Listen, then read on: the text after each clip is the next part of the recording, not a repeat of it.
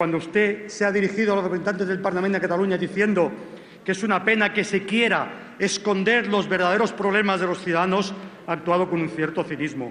Han sido ustedes los que no han podido esperar al mes de junio, que es cuando esta proposición de ley venía de manera ordinaria aquí. Han querido acelerarla para presentarla en el mes de abril. ¿Por qué? Porque la quieren utilizar para el debate europeo, porque les gustaría que en el debate europeo no se discutiera de lo que ustedes han hecho en Europa, les gustaría que a ustedes nadie pudiera discutir de sus políticas europeas ni de sus políticas nacionales y usted así poderse cohesionar con su electorado en la defensa que ustedes consideran de la soberanía nacional y de los ciudadanos españoles. Esa es la verdadera razón. Es usted el primero que quiere camuflar eso.